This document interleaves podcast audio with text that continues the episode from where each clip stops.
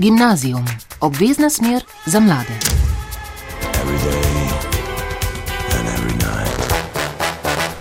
Lepo zdrav vsem, ki ste v družbi oddaje Gimnazijum. Leto, ki je za nami, je bilo zelo pestro, zato se bomo v prvi oddaji v letu 2023 ozrli nazaj in znova slišali nekaj gostov, projektov in zgodb planskega leta. Več kot 50 oddaj in 200 gostov, 50 zanimivih zgodb, tem in projektov, ki zadevajo življenja mladih. O njih se je pet voditeljev programa za mlade pogovarjalo z mladimi in malo manj mladimi gosti. Nekaj izmed njih bova Aleš Ogrin in Špela Šebenik znova izpostavila danes. Od februarja do aprila smo v gimnaziju gostili Šilo, šolsko improligo, osem oddaje minilo v duhu gledališke improvizacije, zmagovalka in prokleti pa je bila gimnazija Šiška.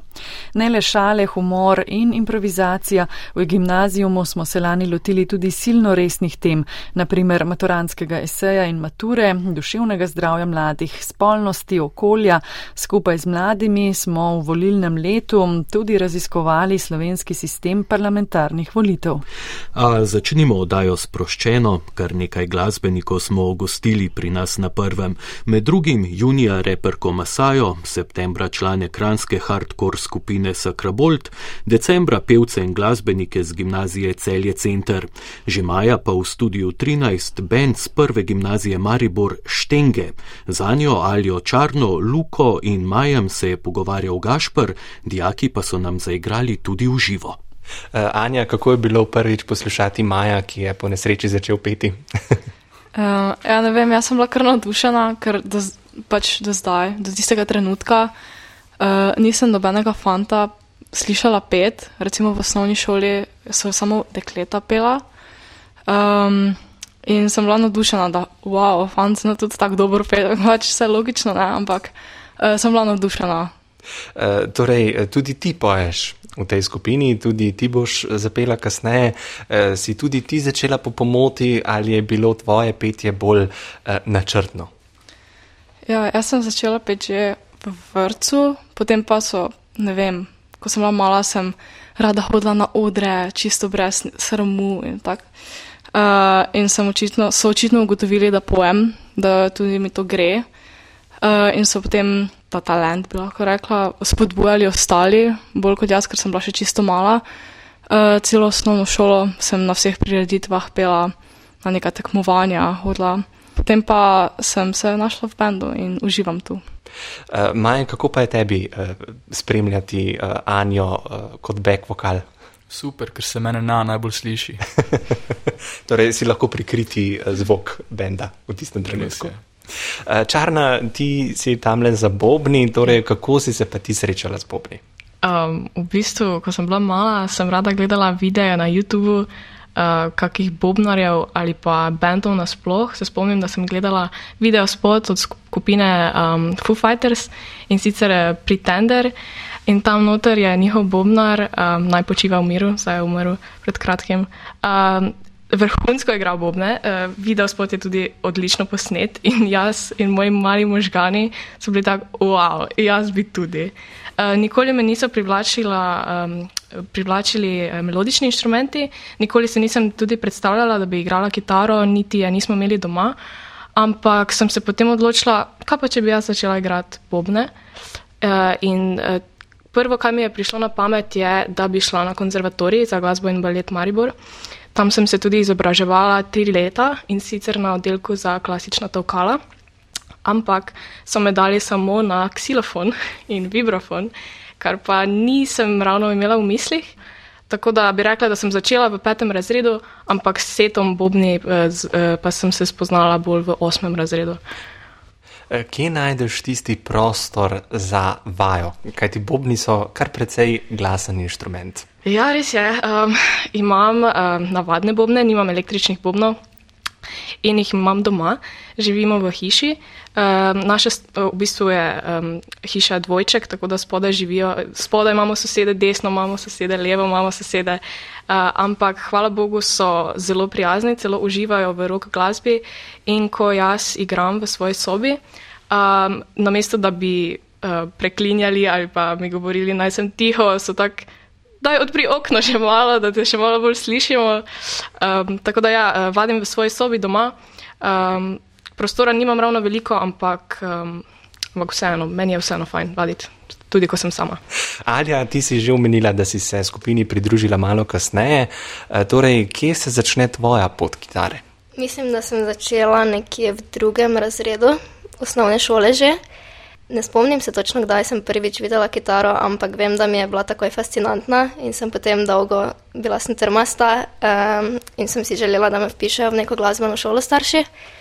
In potem po kakem letu prepričevanja sta, me, sta mi res kupila kitaro in me vpisala in od takrat mislim, da vsak dan igram kitaro. Uh, Luka, ti pa ne igraš samo enega inštrumenta v tej skupini, ti pa poprimeš za več stvari hkrati. Uh, torej, kaj vse igraš in kako so te kako te je ta množica inštrumentov sploh privlačila naenkrat? Um, ja, zdaj kaj se igram, igram klavir, uh, kitaro, pa bas kitaro.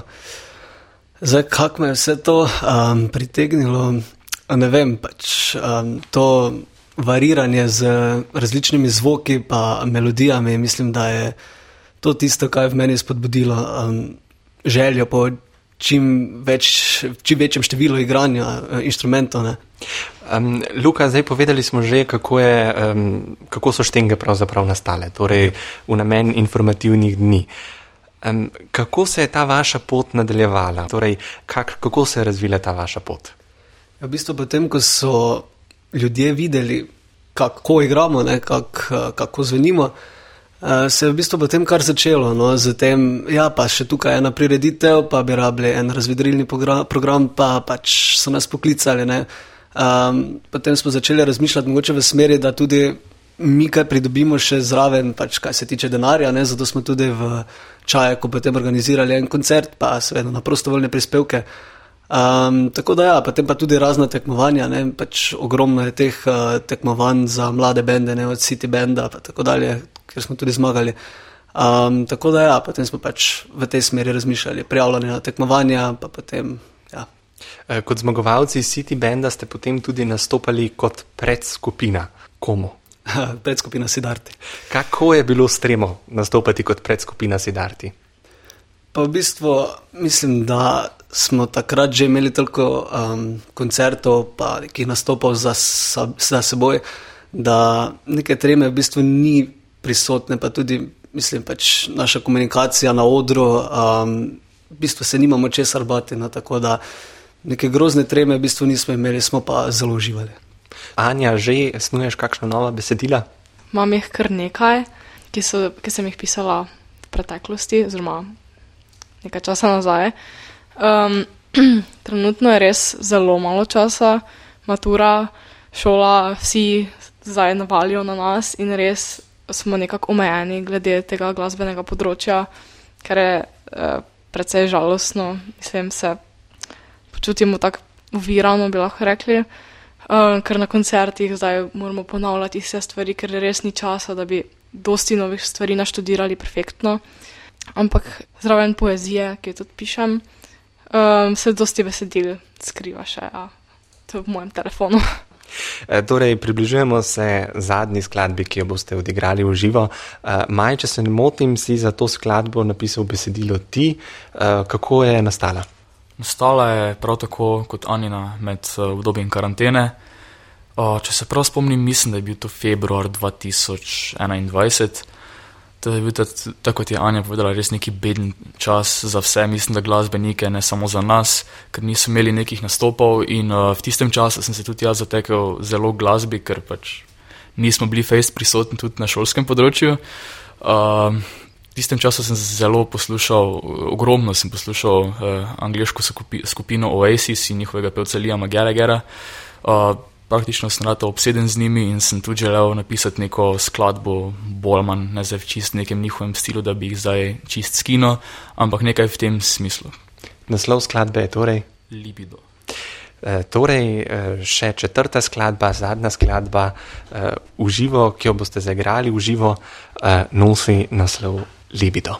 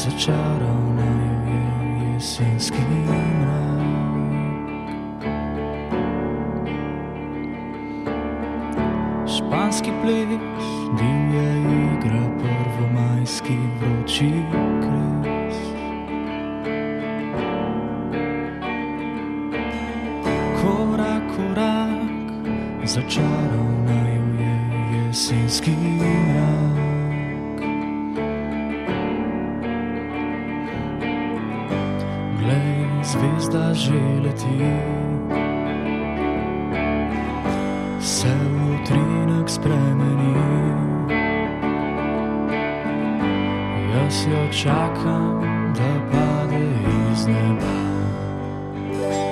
in mi pesem zaigra.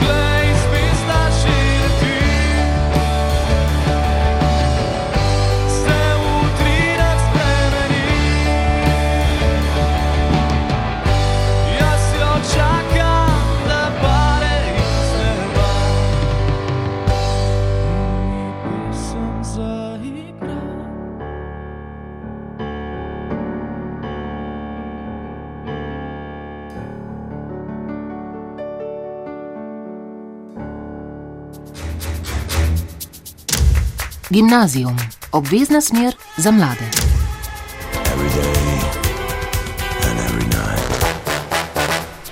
Obvezna smer za mlade nas danes vodi skozi pregled nekaterih tem, s katerimi smo se v odajah ukvarjali v minulem letu.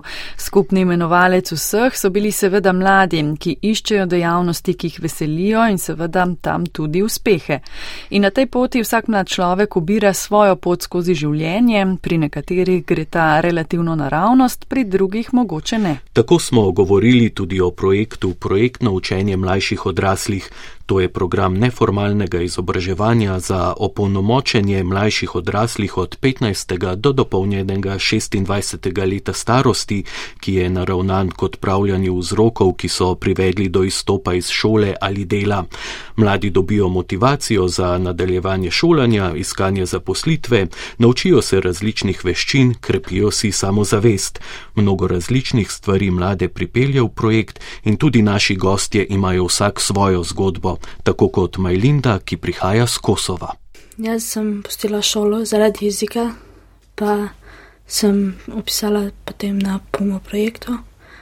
Pa za mene je full lep, ker sem učila še več za jezika. Tako. Andreja. No, jaz sem se izpisala iz šole zato, ker v bistvu nisem vedela, kaj mi je všeč. In sem rabila malo to probat, da vidim, kje sem se našla. Uh, zdaj mi pa to pumo mi zelo pomaga, da bom uresničila vse svoje cilje, uh, predvsem pri učenju. No. In pa Anel. Ja, ne vem, jaz sem itak rabo pomoč eno s šolo, sem šel na pum, se mi je pokazal, da pršal mi je fulu pomoč, pomagajo veliko, super mi je tam. Se pravi, nekako tam si našel a, pomoč, se počutiš dobro. Kako pa si se vključil v projekt na učenje mlajših odraslih in koliko časa si že njegov del? Koliko časa, res ne vem, ampak um, tudi za vključitev, ne vem, meni se zdi, da so starši našli program Puma. Sem pa rabo pomoč šolo, zaradi tega, ker mi ni šlo lih neki najboljši. Mm, Pa ti, Andreja, kako si našla Pumo? Um, v bistvu mi je zato povedala, tam, kjer hodim v šolo, um, so mi povedali, hodim na cene štupar in so mi tam v bistvu predlagali. No. Pa pri tebi, Majlinda. Jaz pomo sem našla od zavoda, pa Se pravi, Zavod za zaposlovanje Ja. Republike Slovenije. A, In kakšna je razlika med tem, ko ste hodili v šolo in tem, da ste zdaj vključeni v Pumo? Kako je? Za mene je full velika eh, razlika, ker jaz eh, ne znam dobro slovensko, pa pomo preveč me pomaga, da znam še več. Jaz veliko lažje se učim, uh, ta fleksibilnost, da ni teh 8 ur skozi učenje, ampak da je fleksibilno in da se lepo sprostiš. Mhm, Je pri tebi podobno? Uh, pač ja, je, ja. In recimo, kaj vam je dalo to motivacijo, da ste se odločili, da boste sedaj nadaljevali? Omenili ste, imeli ste različne uh, težave. Zakaj želite iti naprej? Kako ste prišli do te ideje? Meni je bilo pač, jaz sem itak rabo pomoč šolo, hotel sem jo narediti in jo še zmer hočem še vedeti.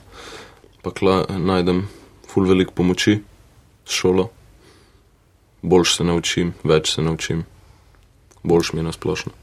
Melinda in Andreja, pri vama je verjetno podobno, ne? Ja, ja. Uh, mentorici Ana in Anja, katere so tiste stvari, ki jih mladi, ki se vključijo v projekt, projekt na učenje mladih, najbolj potrebujejo? Um, jaz mislim, da večina naših mladih, ki se vključijo v program, um, je zelo razočaranih nad šolskim sistemom, so na nek način doživeli kar nekaj krivic uh, na svoji poti šolanja, um, zdaj ali strani sovrstnikov ali strani učiteljev, pač, ali pa tudi strani družine. Čisto različno, ker je res pri nas toliko individualno. Tako da mislim, da vsi, ki pridajo k nam, potrebujejo predvsem to, da se čutijo sprejete, um, da ne občutijo, da je neka razlika ali pa da je tu nek poraz, ker so izstopili iz formalnega izobraževanja, ampak nekako, da res čutijo to sprejetost pa povezanost in mislim, da to pri nas dobijo. Mentorica Ana, kaj pomeni ta sprejetost? Zdaj, to, um, kako se ta sprejetost uh, nekako vsak dan vidi, se mi zdi, da uh, na PUM-u ne, nimamo nekega striktnega kurikuluma in nekega tazga urnika, ne, ki bi obstajal ne, in bil za vse enak in bi mu morali vsi rigidno slediti in ki bi zahteval od vsega posameznika v bistvu enako stvar. Ampak uh, je nekako fleksibilno narejen uh, in prilagojen vsakmu posamezniku, ki pride k nam. Tako da smo osredotočeni na potrebe vsakega udeleženca, ki pride, to tudi ful dobro preverimo uh, in sledimo njemu pri njegovih ciljih. In se mi zdi to osnova za to, da potem lahko vsak udeleženec začuti neko sprejemanje, ne, kar se njemu prilagajamo. Um, in v bistvu posledično se tudi drug drugemu udeleženci prilagajajo in nekako se ustvarjajo ta občutek sprejemanja. No. Ja, skupaj ja. sestavite ta individualni načrt izobraževanja. Ne? Ja. Uh, kako ste ga vi uh, sestavljali? Mladi, ki se vključite v projekt, imate pri tem verjetno glavno besedo Andreja. Kako je potekalo to sestavljanje načrta pri tebi? Uh, jaz zdaj dokončujem tretji letnik uh, smeri za bolničarko in v bistvu so mi tle zelo pomagali, da sem si zorganizirala vse izpite, ure učenja, ne, tle tudi zelo pomagajo glede tega. No. Res je za vsakega posameznika individualno narejen program uh, in je super, res si imela pri tem glavno besedo, oziroma ja, si ti uh, rekla, kaj pravzaprav ja, želiš? V bistvu je vsa odgovornost na nas, ne? Še vedno moramo mi pokazati to in, inicijativo za, v bistvu pa za naše šolanje. Uh, tako da je res, ne, mi se sami menimo za izpite, predavanje in tako naprej. Oni so pa v bistvu naše mentorce, so pa tukaj, da nam dajo to motivacijo, pa ta zagon, pa da nas malo motivirajo, no, če kdaj zmanjka kakšen dan. Pa Majlinda, pri tebi se pravi, omenila si, težava je bila v jeziku. Kako si temu prilagajala to sestavljanje svojega individualnega načrta? Na pomoč sem imela ful, ful pomoč, pa mi je pomagal vse, vse mentorje, vse trije. Pa imam en boljšo energijo, da delam še več, ko pogovarjamo pa tako. Se pravi, si se potem dobro znašla tudi znotraj tega, kar ste sestavili. Ja. Pa pri tebi, Anel, kako ste sestavili načrt? Ja, se kot je Melinda rekla, je boljša energija tam. Um, sem pa tudi zgubil tako dost motivacije za šolo, pa to, pa so mi pomagali s tem, da recimo delajo tam od sedmih do dveh, jaz sem si lahko izbral urnik, kar je ponavadi od enajstih do enih, dveh. Prijem tam, se naučim to, kar rabim, naredim to, kar rabim in grem pol domov. Anja in Ana, torej, kakšna je pri tem vaša vloga? Neko strokovno vodenje je seveda za mlade, ki se vam pridružijo, nepogrešljivo. Hm, ja, zdaj naša vloga, vloga mentoric in mentorje.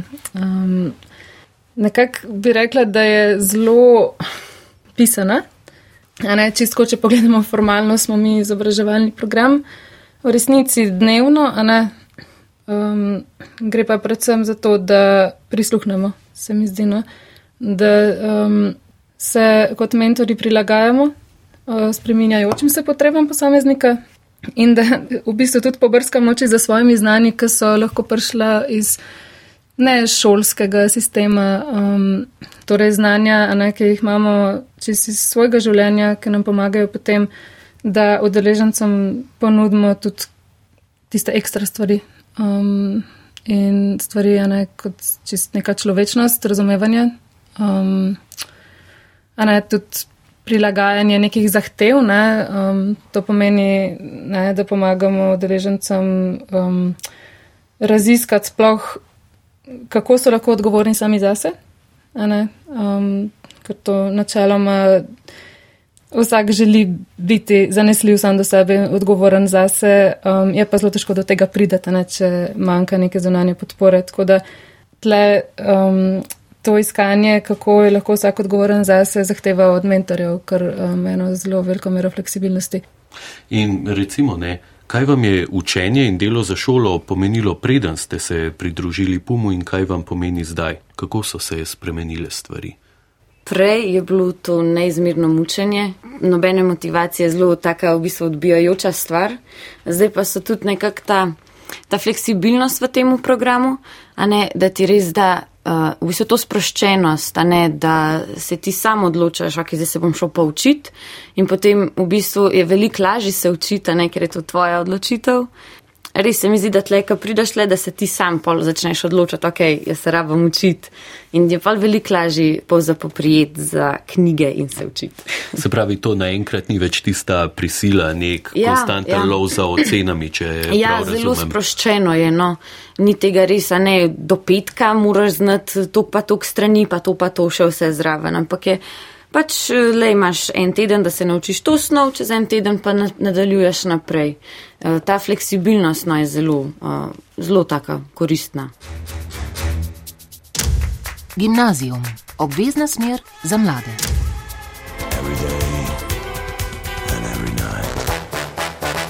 V lanskem letu v oddajah gimnazijum seveda nismo mogli mimo športnih uspehov.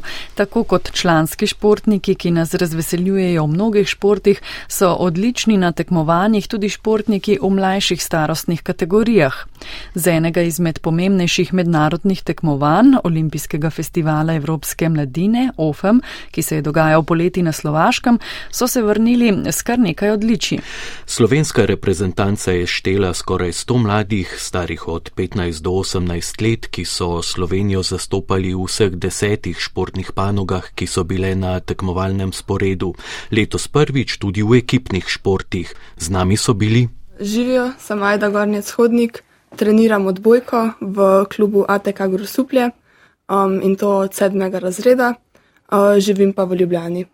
Sem Tobias Firštrtenec in treniram judo v judo klubu Bežigrad. Začel sem v drugem razredu, torej zdaj treniram že ne 10-11 leto, sem pa tudi iz Ljubljane. Sem Nija Gerdej, treniram plavanje in sem iz Prijali, treniram pri plavalnem klubu um, Fujina Ravna. Sem Žano Grinc iz Maribora, treniram atletiko pri atletskem klubu Poljane Maribor, treniram pa že približno 10 let. Mm, sem Paolo Angeli, prihajam iz Valenja, treniram tenis v železničarskem teniškem klubu Maribor. Um, Že kar nekaj časa najbrž, ne? Že sedem let. Ja, hvala Štajercem in Korošcem, ne, da ste prišli v Ljubljano. Tudi čestitke vsem um, za odlične uspehe na tem tekmovanju. Tu imamo tri dobitnike srebrne kolajne. Nija Tobajas eh, in Žan ste jo dosegli, ampak najbrž je že uvrstitev v reprezentanco velik uspeh. Gre namreč za tekmovanje pod okriljem Evropskih olimpijskih komitejev. Ajda, je že uvrstitev torej uspeh? Ja, definitivno. Glede na to, koliko ekip je v Evropi, je že to, da smo med osem najboljših, zelo dober uspeh. In uh, kako si ti prišla do uh, mesta v tej slovenski ekipi za to tekmovanje, torej Olimpijski festival Evropske mladine? Um, potrebno je bilo veliko dela, veliko treningov, um, ki so bili seveda zelo naporni, tako fizično kot psihično. Trenirali smo celo poletje. Um, in predtem smo bili tudi na uh, turnirju v Puli, potem pa se je zbralo 12 najboljših uh, odbojkaric, ki smo potem šli na OFEM. Kako je bilo pa pri uh, judoistih, uh, Tobias? Zdaj, seveda, treningi so bili isto pomembni že zadnjih vsaj pet let. Um, glede samih rezultatov je bila pa večinoma lanska sezona, ki je bila kadetska, tako kot je bila tudi tekma na OFEM-u kadetska. Kaj to pomeni? Bi sicer mogla biti lani, um, ampak se zaradi korone in olimpijskih iger je bila predstavljena. Um, kadeti pa v resnici pomenijo, da so torej v 16, torej, oziroma v 18, stari torej sed, uh, še, 17 in 16 let.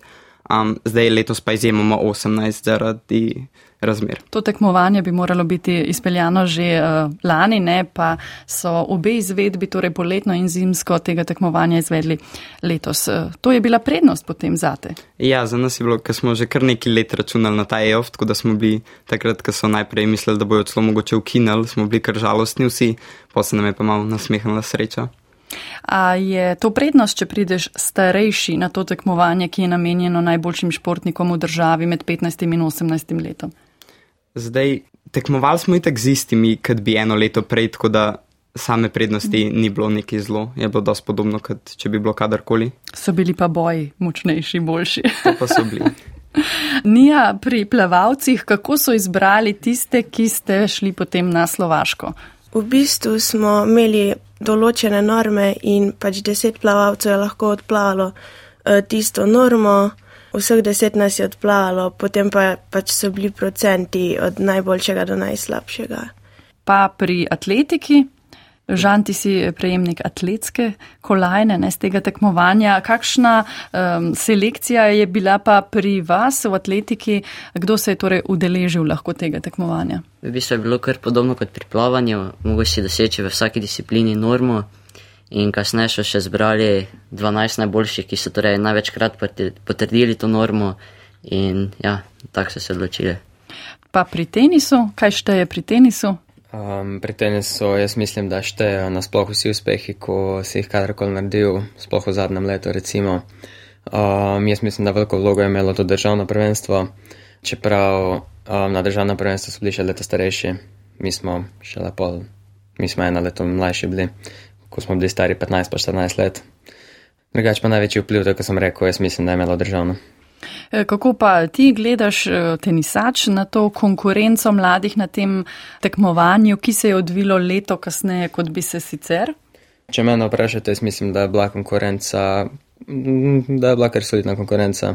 Ni bilo lahko, tudi um, do četrt finala ni bilo, um, ni bilo lahko prideti, noben igralec ni bil slab.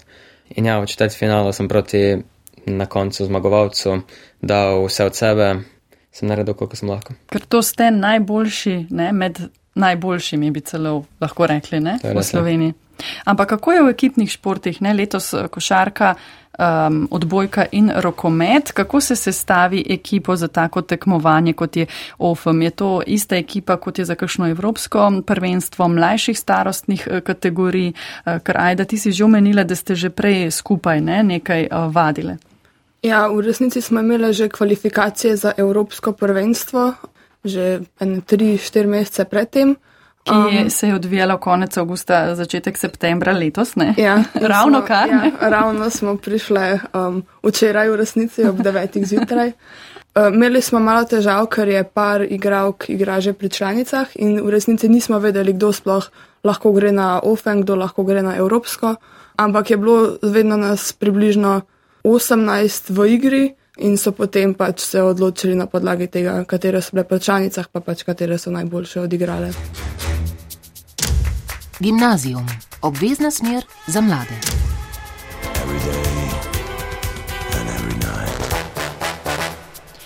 V letu, ki se je izteklo, smo vam predstavili tudi novo spletno orodje Najdi.se, katerega prvi cilj je detabuizacija pogovora o duševnem zdravju in iskanju pomoči, drugi cilj pa je mlade usmeriti k preverjenim in zdaj po spletu in okolju razpršenim vsebinam, ki bi jim bila lahko v pomoč. Več smo izvedeli od Barbare Kos, vodje projekta Najdi.se pri zavodu Vozim in Karmen Kukovič iz Mladinskega centra Dravinske doline. O svojem samoiskanju pa sta z nami svoje razmišljanja in izkušnje delila tudi študenta Lara in Smiljan. V času korone, ko se je pa že začel to poudarjati, ne, kako je med mladimi duševno zdravje, um, se poslabšuje in da v bistvu to neka odsotnost iz šolskega okolja. Pa preživljanje časa doma, um, kako to na njih pač negativno vpliva, um, je pa nekako postalo čist naravno, da bi pa mi uh, z našimi poškodovanci še bolj dal poudarek motivaciji in recimo prometno varnost ali pa druge, druge te uh, zadeve, dal pa bolj v zadje. Karmen, ime pa je pravo, ne? Asocira na iskalnik najdi.si, hkrati pa je zelo poveden, ne? Najdi.se. Ja, seveda, v bistvu je tako, da se itak človek išče celo življenje, ne? v končni fazi se ne gre to zdaj, da se samo mladi iščejo. Um, in ja, to, je, um, to si je zamislil Zavod Vozim, uh, to, to ime in uh, mi smo takrat, ko je bila pač ta ideja predstavljena in ko smo se potem tudi odločili, da gremo skupaj na razpis, se nam je to itak zdelo genialno. Ne? In vsekakor uh, na mestu. Smiljan, ti pred današnjim dnem nisi poznal teh spletnih strani, v bistvu jih še zmeraj ne poznaš, ampak ime se jim je pa posrečilo, kaj? Ja, se strinjam, se strinjam. Se mladi iščete, Lara, imate tudi vi, tudi vi sami mogoče kdaj tako rečete oziroma tudi vi vidite, da se v bistvu iščemo vsi, tako kot je Karmen zdaj rekla, da to ni omejeno le na mlajše generacije.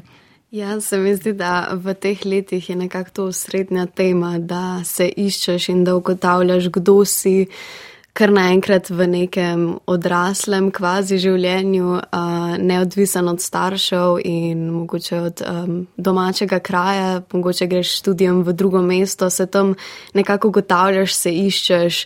Um, Vidva sta šla, ne? Tako je. Kdaj je to obdobje šele zdaj, ko sta študenta, eh, ko imata več vprašanj, pomislekov, nejasnosti, pa mogoče na katerem področju vse smiljan, ker eh, veliko krat eh, rečemo za mladega človeka se išče, pa mislimo na njegovo poklicno pot predvsem, medtem ko tukaj danes pa govorimo o tem, da se iščemo še malo v širšem ne, pomenu besede. Ja, jaz bi rekel, da pravzaprav je res, da v času korone ne bi rekel, da ravno zaradi korone, ampak v tem času, ja, ker se mi je pa zgodil uh, neke te uh, prve ljubezenske zadeve, uh, pa potem tudi te prvi uh, neuspehi glede fakultete in se to vse nekako scentriralo. Tako da v tem času, torej prehod iz srednje na faks, tukaj smo se kar iskali, moram pa reči, da sem se kar tudi zdaj kar najdu. Um, tako da zdaj imamo malo pauze, smo se pa en, ene, dve leti tu trajali, no. malo, malo je bilo tako. Ampak nič kaj eh, zelo resnega. No. Aha. Lara, pa pri tebi? Jaz uh, ne bom tako gotova, uh, kot je smilja, ne bom rekla, da sem se že našla. Uh, v bistvu ravno nasprotno imam občutek, kot da se vedno bolj izgubljam v teh vprašanjih, kdo sem. Um, in da vs, vedno, ko odgovorim na neko vprašanje, pride zopet novo in še tri zraven. Smiljan, kaj je tebi dalo to malo večjo trdnost, kot sem jo zaznala, naprimer pri Lari? Je to študij, je to eh, srečna ljubezenska zgodba, je to dobro počutje v Ljubljani? Kaj je tisto, kar je rešilo stvari? Prvi dve. Uh, definitivno to uh, neka večja trdnost oziroma um, boljše vedenje v prihodnosti, pri, kaj, kaj bo čez deset let, uh, da ni zgolj preznina. Uh, seveda tudi, da je, pol, da je tudi stanje z odnosi, pa ljubezenskimi in družinskimi in prijateljskimi, da so uh, se spet vzpostavljali, kot so bila včasih. Uh, edin, kar me pa še danes. Česar me še danes strah je to, da ne vem, kako je do tega prišlo, da so se stvari uh, utrdile in umirile, nikak, ne vem kako. In če bi me danes vsem vprašal za pomoč, mu ne bi znal odgovoriti, čeprav sem šel isto čez tako, ta tipična, ja, da malo ne veš, kako pa pol zdaj veš, ampak ne vem kako in zakaj se je to zgodilo. Sam zgodil se je. Ja, nikak tako, ja.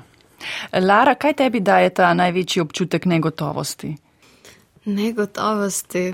Ja, ker je mogoče ta svet, pa celotno to življenje, ko kar klišejsko zveni, ena sama negotovost. In se mi zdi, da smo ljudje ena taka gromozanska globina in neko samo vesolje po sebi, da težko najdeš vsak otiček sebe in tudi. Lahko samo z gotovostjo povem, da ne vem, kako bom v različnih situacijah, ne glede na to, koliko se poznam, mogoče v trenutku. Karmen, ali v mladinskem centru zaznavate več takih zgodb kot sta um, zgodbi od Lare in od Smiljana ali več tistih mladih, ki točno vejo, kam grejo, kako bodo tja prišli in eh, ki nimajo eh, takih večjih vprašanj ali pa pomislekov na to, eh, po kateri poti stopajo? Ja, v bistvu izključno delamo z mladimi, ki, ki se iščejo neprestano in se seveda tudi najdejo in se zopet izgubijo in se zopet iščejo mislim, da je to enostavno uh, del tega obdobja, tako kot si že ti rekla, uh, Lara. In ja, tudi pri nas je tako, ne? ponavadi nas uh, najdejo, zato ker mi nismo ne njihovi starši, ne njihovi učitelji, profesori, ne prijatelji, ampak neka zmes vsega skupaj in je en tak uh, poseben odnos, ki omogoča neko varnost, da je mlad človek lahko to, kar je, brez nekega obsojanja in zato se veliko krat na nas tudi obračajo z različnimi stiskami. Tudi karkoli. s takimi, ki jih nagovarja najdi Picasso? Tudi s takimi. Um, tudi, recimo, če so kdaj gre za kakšne um, hujše oblike, za kakšne duševne motnje, uh, ki jih mi neposredno z našim strokovnim znanjem ne moremo nasloviti in vseeno lahko nudimo oporo pri, pozna, pri prepoznavanju nekih zadev in recimo, kako to naslavljati dalje in jih biti v podporo na dolgi rok. Mislim, to je pri nas najpogostejše, da z mladimi ostajamo res na, na dolgi rok. Pretvarjam se, da znam brati tvoje misli, ko nepremično v strop strmiš. Ko po noči me objameš, brez da se zares zavedaš, in čez dan za roko me držiš. Pretvarjam se, da si mi rekla, naj grem s tabo daleč stran, daleč stran pakiram kočke in potem zbudim se sredi san. In jaz ti sledim, ne zanima me kam greva. Si rekla, naj mi živi. Povej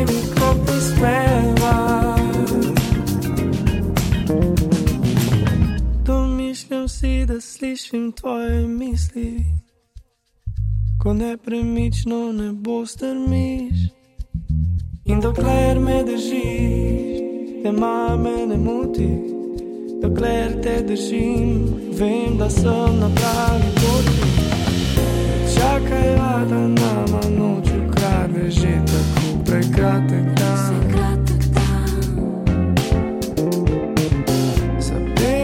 Zapeliva se proti soncu, preden spet potone v ocean. In jaz ti sledim, ne zanima me kam greva. Si rekla, naj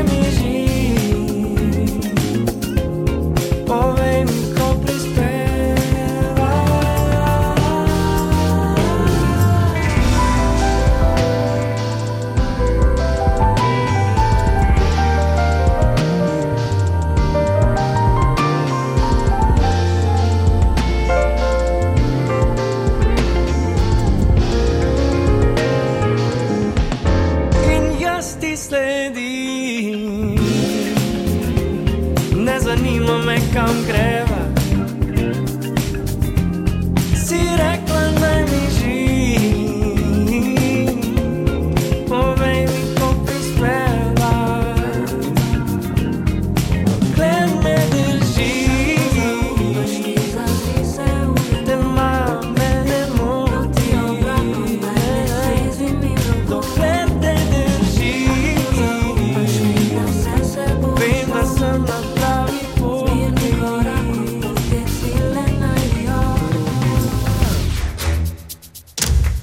Gimnazijum, obvezna smer za mlade.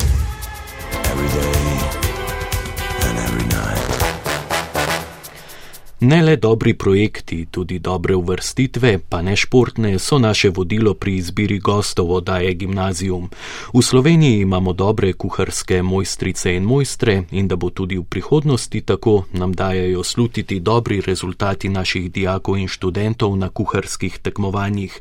V Trondheimu na Norveškem je med 10. in 13. novembrom potekalo tekmovanje mladih kuharic in kuharjev European Young Chef Award, na katerem je odlično drugo mesto zasedla Špela Kuhal, študentka gostinstva in turizma na Biotehniškem izobraževalnem centru Ljubljana. Do uspeha sta jo z nasveti vodila tudi mentorja Neli Selan in Andrej Molk, prav tako z Bic Ljubljana. To je tekmovanje, kjer je nas je bilo devet iz različnih evropskih držav. In predstavljali smo tradicijo, tradicionalne jedi, ki so bili predrugačene in pripravljene na moderen način. Za nas, ki poslušamo, se seveda sliši predvsem slasno, saj imamo pred očmi hrano, za vas nastopajoče pa je to tekmovanje verjetno še marsikaj drugega kot le uživanje v hrani. Kako si ti izkusila ta svoj nastop? Ja, jaz sem v svojem nastopu zelo uživala. Trudila sem se predstaviti eh, lokalne ponudnike, tako da sem vso posodo in tudi vsa živila, zelenjavo, vse smo nesli seboj, tako da sem bila edina, ki sem imela dva kavčka samo prtljage seboj. Uh, tako da ja, trudila sem se biti čim bolj ekonomična, lokalna, tudi gledali so sodniki, kot odpadka nam je ostalo, tako da sem zelo pazila na to. Uh, in ja, da sem nekako povezala okuse, delala različne tehnike, uh, ki so bile tudi nekatere malo bolj zahtevne, tako da je prišla na lepa celota ven. No in tema tekmovanja je bila torej tradicionalna kulinarika območja, odkudar tekmovalec prihaja. Kako zahtevna naloga je bila to? Je težko najti neko jed, ki predstavlja območje z mislijo na to, da bo zadovoljila tudi visoke standarde, ki jih postavlja to tekmovanje? Ja, na začetku sem bila kar eh, skeptična. Iskala sem po različnih knjigah, katere jedi so značilne za dolensko. Predvsem so bili tu različni kruhi, štrukli.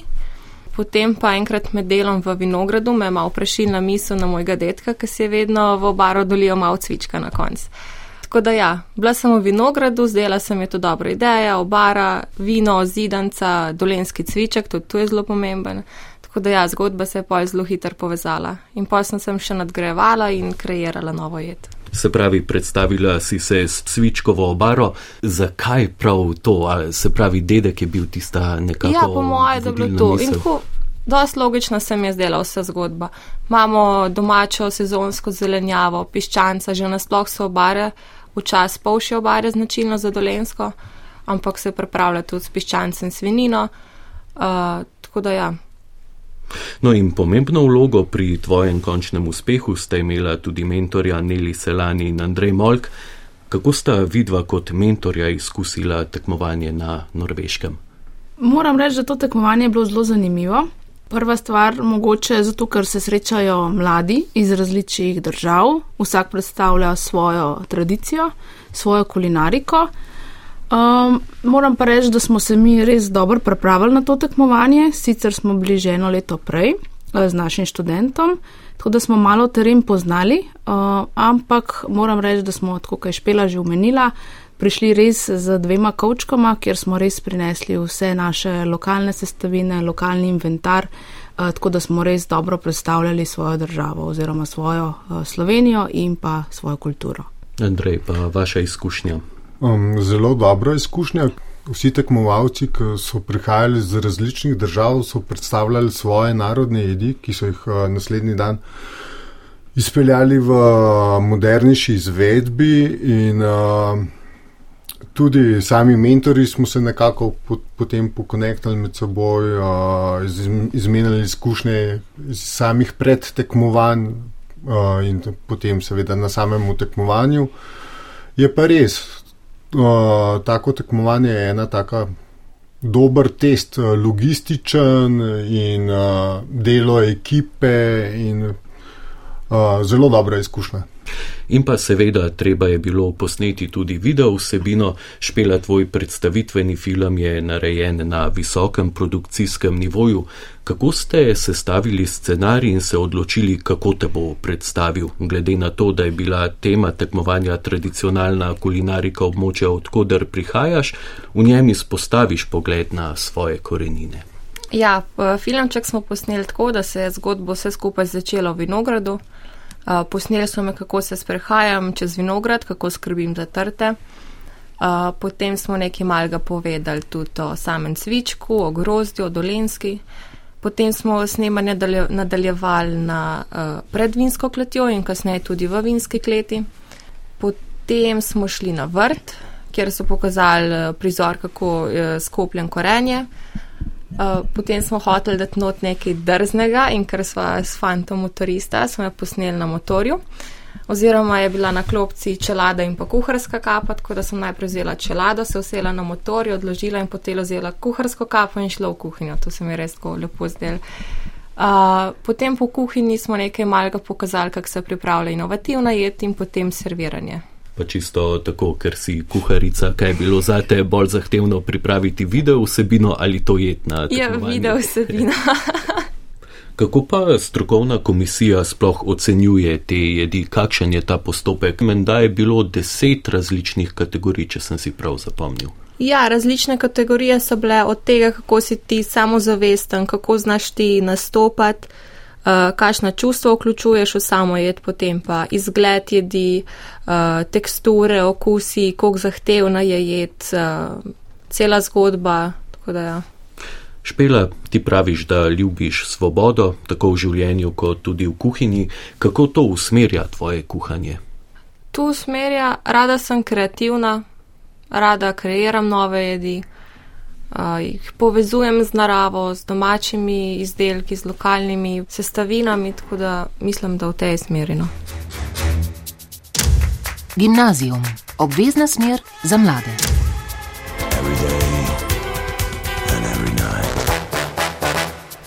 Nadaljujemo s pregledom naših oddaj, ki so v letu 2022 izstopale in za konec vam ponujamo še nekaj glasbe. Z nami je bil namreč tudi Karlo Jemec. Karlo, povej mi, tvoj album Intro bo išel k malu, verjetno, ampak ne kot Karlo Jemec, kot nekdo drug, torej imaš neko umetniško ime, kaj ne? Ja, album sem izdal pod psevdonimom Eusis, se pravi, me pod tem imenom najdete in tudi mojo glasbo. Eusis je torej oseba, ki bo izdala album Intro. Točno. Zdaj, Karlo, kdaj si se ti sploh srečal z glasbo? Kdaj si se srečal z inštrumenti ali pa samo poslušanjem glasbe?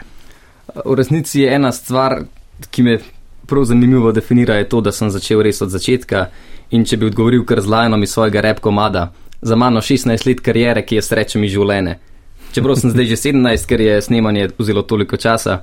Dejansko sem z muziko povezan že od začetka, poslušam in izvajam jo na vse načine, bodi si preko družine, prijateljev, bodi si preko glasbene šole in različnih glasbenih zasedb, katerih del sem bil. In francoski rog, ja, to je edina stvar, za katero sem uradno šolen, saj sem ga igral v glasbeni šoli. Za vse ostalo, ki bo omenjeno v nadaljevanju, sem pa v bistvu samo uk. Torej, um, kaj pa ti je žanrsko najbliže? Zdaj, zakaj so žanri tako pomembni, bomo omenili kasneje, ampak kateri žanr je tebi najljubši?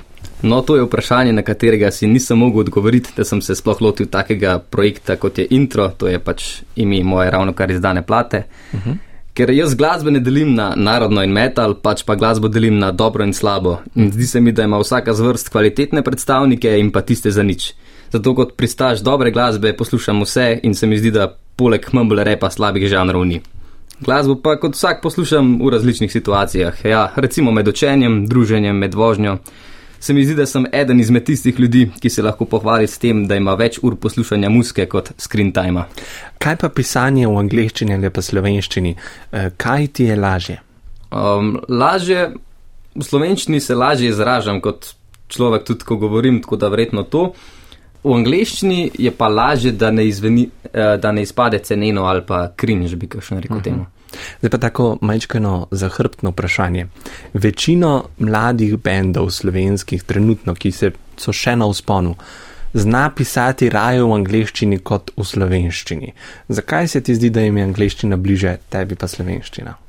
Ne vem, mogoče, ker je danes vse, kar se komercijale tiče v angleščini, večina pop komadov je angliških, uh, zato sem tudi jaz pesem, ki predstavlja pop na svojem albumu, napisal v angliščini, ker uh -huh. je to mhm. pač nek komercialen jezik, ali kako bi rekel, najbolj popularen danes. Slovenščina je pa pač moj materni jezik, najlažje se v njemu izražam in tudi največ lahko z njemu povem. Um, na albumu je torej veliko različnih žanrov, pomeni tudi veliko različnih inštrumentov. Zdaj, igraš vse inštrumente sam ali si imel pri tem pomoč? Uh, seveda, ne igram vsega sam, sem pa se mi zdi, da kar ogromno več, kot sem pričakoval, učpilo sam. Na albumu namreč uh, na petih komadih igram kitaro, bas kitaro, francoski rog, uh, na enem celo klavir, tudi vse vokale glavne sem odpel, back vokale več ali manj tudi za, za dve pesmi, pa sta mi skočila kolega iz MKM. Uh, tako da sem potem Uh, za ostale stvari, ki sem vedel, da jih ne morem dovolj dovršeno odigrati, našel zasedbo, zasedbo, večinoma profesionalno in z njo smo pa imeli vaje in tudi šli posnet, da je takrat je bilo treba. Zdaj imamo še kar nekaj skladb, uh, ki jih bomo poslušali danes in sedaj bo sledila skladba Nikoli se ne srečava. Um, to je pa sedaj nek čist drug žanr, sedaj dva, ki smo jo poslušali, sta si vse malo podobna na nekih točkah, ta pa precej odstopa. Torej, zdaj, za kakšen žanr gre pri tej skladbi in pa kakšen je bil vzgib za nastankom tega besedila? Tega smo najtežje definirali. Najlažje bi ga opisal kot neko popevko, nek šanson, ki vključuje veliko jazz elementov, bobni pa igrajo počasen swing. Super. Eh, kaj pa samo besedilo? Zdaj tukaj je pa morda čutiti malo ljubezni. Torej se zna v besedilih najti tudi kakšna tema, ki tebe morda pesti iz dneva v dan.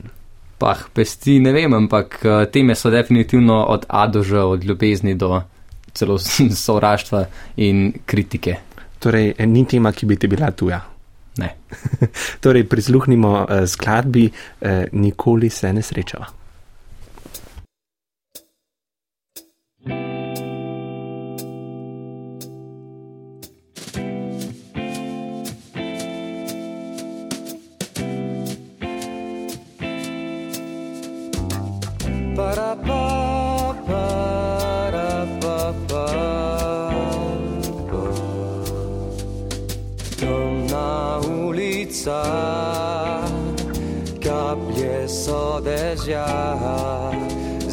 Z mojimi očmi, katerih vid vzel je mrak.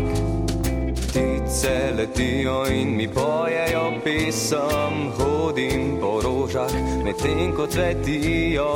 Hodim po rožah, medtem ko cvetijo.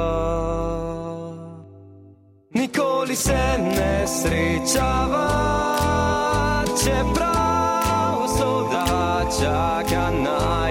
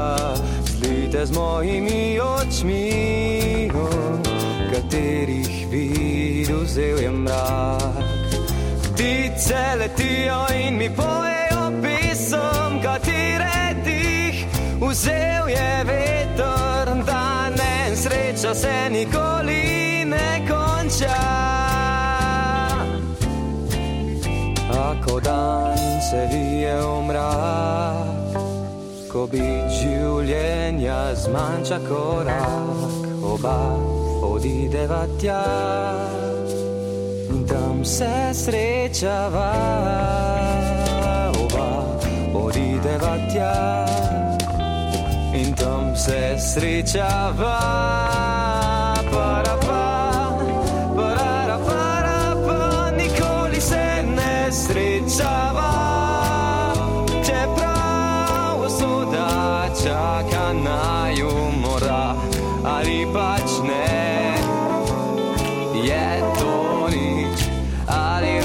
Nikoli se ne srečava.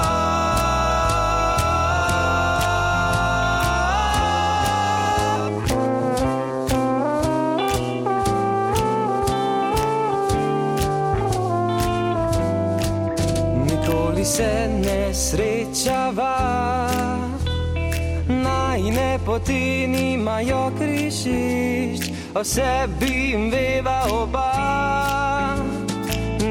da se bova srečala, nikoli se ne srečava. Ako pride ta dan, takrat ne bom več sam.